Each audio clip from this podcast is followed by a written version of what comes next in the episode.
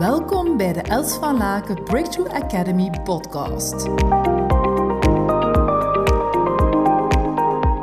Waarom zijn we inderdaad in Vlaanderen zo bescheiden? Wat is de mogelijkste verklaring?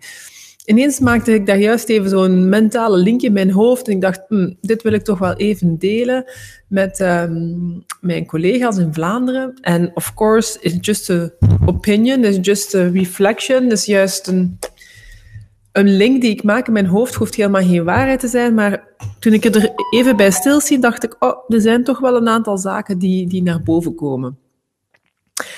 Als je nu kijkt eigenlijk binnen uh, Vlaanderen hebben we toch heel veel mensen die uh, last hebben van perfectionisme en van alles perfect te willen doen en daarin ook onze cultuur die meespeelt, waarbij we natuurlijk heel hard getraind zijn, heel veel hersenmanen gecreëerd hebben op dat het glas half leeg is.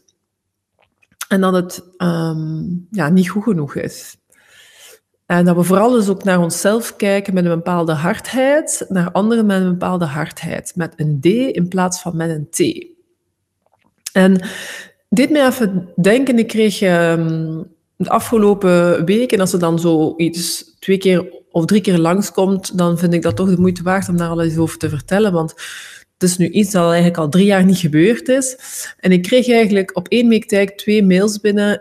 Eén uh, vorige week om te zeggen, hey, uh, er staat een dt-fout in die mail. Toch, uh, dus heel mooi inhoudelijke mail met heel veel inspiratie en heel veel content. En dan antwoordt die man terug, ja, toch jammer van die dt-fout. En ik moet zeggen, toen ik die mail aan het nalezen was, was ik ook even aan het twijfelen van, is dat nu mijn D of mijn T? Maar ik dacht, oké, just go. Um, en interessant genoeg, dit was bijvoorbeeld een mail die geschreven was door mijn copywriter, die ik vervolgens heb nagelezen. En, uh, dus je ziet mensen die daarin geprofessionaliseerd zijn, maken dus ook eens een TT-fout. En ik vind dat fijn, want als je vervolgens altijd alles moet eigenlijk bekijken en doen, dan you cannot give up control. Dan, dan, dan, je moet alles controleren en doen. En ik wil gewoon kunnen vertrouwen op mijn team. En gisteren was ik daarmee aan, aan het praten met een van mijn... Um, van mijn, een van mijn vrienden. En uh, haar vader was uh, een grote Belgische bank, uh, de rechterhand van de CEO. En die zegt ook altijd tegen haar, ja, kijk, weet je, echte leiders kunnen eigenlijk geen perfectionisten zijn. En we waren over aan het praten en eigenlijk klopt dat ook wel. De mensen die echt bovenaan staan, die echt heel veel mensen leiden, die heel veel mensen inspireren, dat zijn geen perfectionisten. Die, dat kan ook niet, want als je zelf nog alles moet bekijken en doen en herbekijken en wikken en wegen en bovenaan en onderaan gaan bekijken, dan, ja, dan kost dat ontzettend veel energie. En dat kost ook heel veel tijd. En je demotiveert ook je mensen. Dus ik was daar even over aan het denken, zou dat nu een reden kunnen zijn waarom wij dus in Vlaanderen eigenlijk zo bescheiden zijn, omdat wij blijven vasthangen aan perfectionisme.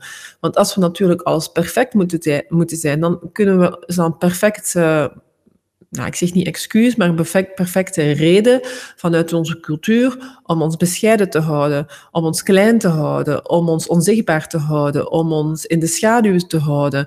Want stel dat we dan naar buiten zouden komen en het is niet perfect, ja, dan worden we gewoon door andere Vlamingen afgemaaid. Dan worden we een kopje kleiner gemaakt, dan krijgen we direct een opmerking. En uh, gisteren kreeg ik ook een mailtje binnen van een, een allemaal met goede intenties. Hè. Ik heb daar echt, er is geen judgment op. Hè. Je weet het, ik functioneer vanuit I'm okay, you're okay. Dus er is geen veroordeling. Maar ik wil het wel benoemen vandaag, omdat we anders houden we onszelf allemaal klein als we continu rekening houden met wat andere mensen vinden en ons steeds naar dat perfect, uh, perfectionistische niveau willen brengen.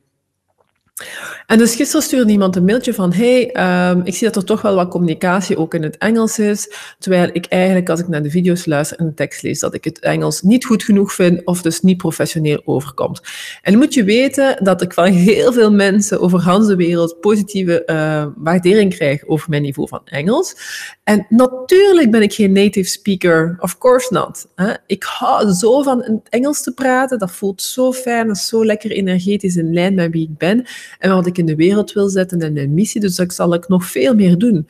Maar ja, natuurlijk gaat er eens een moment komen dat ik niet op het juiste woord uh, kom. En tuurlijk zal er eens een expressie zijn die niet perfect is. En ja, als je dan kijkt naar bijvoorbeeld heel veel, sommige bekende mensen, zoals Marie Fondo bijvoorbeeld, uh, of Marie, Marie Kondo of Marie Fondo, ja, Don't hit me when hè? Dat is een mooi voorbeeld van perfect imperfect. Zij is zo de opruimcoach eh, wereldwijd. En zij kan praktisch geen Engels. Hè? Dus je hebt zoveel voorbeelden over de hele wereld die, um, die heel stuk lager liggen in mijn, uh, dan mijn niveau en toch heel veel mensen mogen inspireren.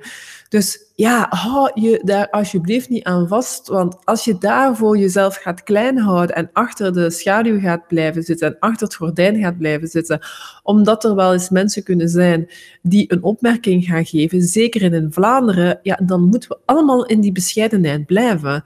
Want als je dan vervolgens eens terugkijkt in onze DNA, als je gewoon eens systemisch terugkijkt in onze historiek, hebben we natuurlijk ook Hans het stuk met het, het katholiek, opgevoed zijn. Daar moest eigenlijk ook alles perfect verlopen. Alles voor de schermen moest allemaal nikkel zijn, moest allemaal perfect zijn, want anders mocht je op de biechtstoel gaan zitten en het gaan uitleggen aan de priester eh, waarom. En als sommige dingen vroeger, bijvoorbeeld, ik weet van mijn eigen tante, als sommige dingen dan niet waren zoals volgens het perfecte beeldje, dan gingen we dat eigenlijk gaan verdoezelen of gaan wegsteken. Ik weet van mijn eigen tante bijvoorbeeld, dat uh, zij tegen de priester ging gaan vertellen op de biechtstoel van ik word geslaan door mijn man, uh, ik word mishandeld door mijn man. En, ze hebben, en die priester is dat gaan vertellen tegen, uh, mijn, dus, ja, tegen dus mijn onkel, die ik nooit heb gekend. En die hebben dus mijn tante in een inrichting gestoken. Dus er zijn zoveel dingen gebeurd in het verleden binnen onze Vlaamse cultuur, waarbij dat als we gewoon uh, onszelf uitdrukten of onszelf uh, helemaal uh, wisten te zijn, dat we daar ook een stuk voor veroordeeld zijn. Het is ook niet raar dat dat in onze DNA zit. Het is ook niet raar dat het systemisch ook gewoon nog wat in ons veld zit. Maar ja, moeten we het daarom vasthouden? Moeten we het daarom blijven doen? Ik, ik denk het niet, ja. Uh, your past is not your destiny. Ik vind dat, dat is een zin die mij altijd ontzettend geraakt heeft. Ik weet nog toen dat Tony Robbins dat voor de eerste keer zei, your past is not your destiny. En ik kan hem nog voelen altijd weer opnieuw van, jouw verleden is niet jouw toekomst. Dus het is niet omdat we in het verleden bepaalde dingen hebben geleerd, dat we het opnieuw zo dienen vast te houden. Um, dus ja, ik denk dat het ons allemaal een beetje uh, onnodig streng maakt. Um, hard maakt, rigide maakt, um. Hè, veroordelend dat we dus eigenlijk makkelijk gaan het glas half vol zien in plaats van het glas half leeg zien. Ik krijg nooit opmerking van Nederlanders uh, over, over bijvoorbeeld zoiets als taal. Um, en ik weet ook dat hè, mogelijk zit er daar ook een verschil in, in, in education system of in het um, maar ik denk ook gewoon dat zij... Kijk, als, als ik dan kijk naar Nederlands, ik vind dat fantastisch wat dat die allemaal gewoon durven en hoe dat ze in de wereld durven zetten en hoe dat ze dat al eeuwen na elkaar doen. En dus ja, in die zin vind ik het wel inspirerend om steeds te kijken naar mensen die bepaalde aspecten verder staan dan dat wij staan, of dat ik sta, en daarvan te leren. Um, in plaats van steeds te ja, kijk naar onze omgeving en, en daar dan vervolgens keuzes in te maken. Om dan te zeggen, ah, we gaan dan ook gewoon ja, conform zijn of uh, ons ja, confirmeren of conformeren, hoe zeg je dat, uh, aan, uh, aan onze omgeving. Dus ja, dat is even iets wat ik wou delen. Van, zou dat nu een verklaring kunnen zijn waarom wij bescheiden blijven, waarom wij als Vlaming bescheiden blijven, omdat wij ons eigenlijk vasthouden aan perfectionisme? Uh, dat het altijd maar beter en beter en beter moet. Ik hoor ook vooral heel veel Vlamingen die tegen mij dan zeggen van ja, als ik filmpjes moet opnemen, ik zou, het, ik zou dat niet durven, ik zou er 15 moeten doen tegen dat ik dan vervolgens een filmpje goed genoeg vind. Ja, dus zou dat kunnen, dat, dat de reden kan zijn, of een van de redenen kan zijn waarom wij onszelf bescheiden houden en op die manier eigenlijk misschien onnodig klein houden en daardoor misschien onze missie, onze visie, ons, ons zijn niet te volle uh, delen met uh, de mensen die nood zouden hebben aan onze heritage, aan hetgeen wat wij... Uh, waar wij voor staan, wat dat wij in de wereld te brengen hebben.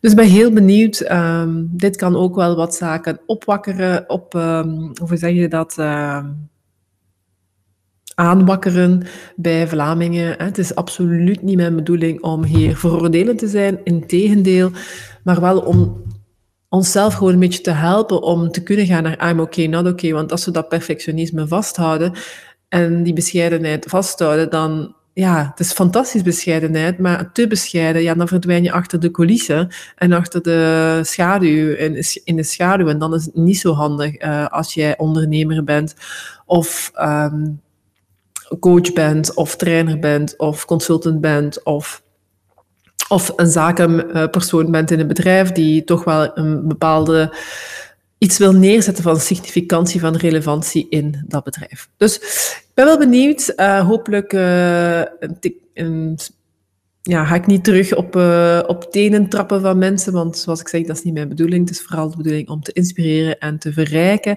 en weer een ander standpunt te geven om, uh, om onze manier van denken weer wat open te zetten. Dus laat nog weten, ik ben ontzettend benieuwd. Uh, je mag altijd een comment of een like of een hartje of zo meegeven, dat is altijd heel fijn. Ik wens je een fantastische dag toe en tot heel gauw. Ontzettend dankbaar voor je aanwezigheid. Verspreid samen met mij deze positieve energie en tips. Deel deze podcast op je social media. Wil je graag persoonlijk contact? Mail me op hello@elsvalaken.com. We beantwoorden elke mail. Tot hou!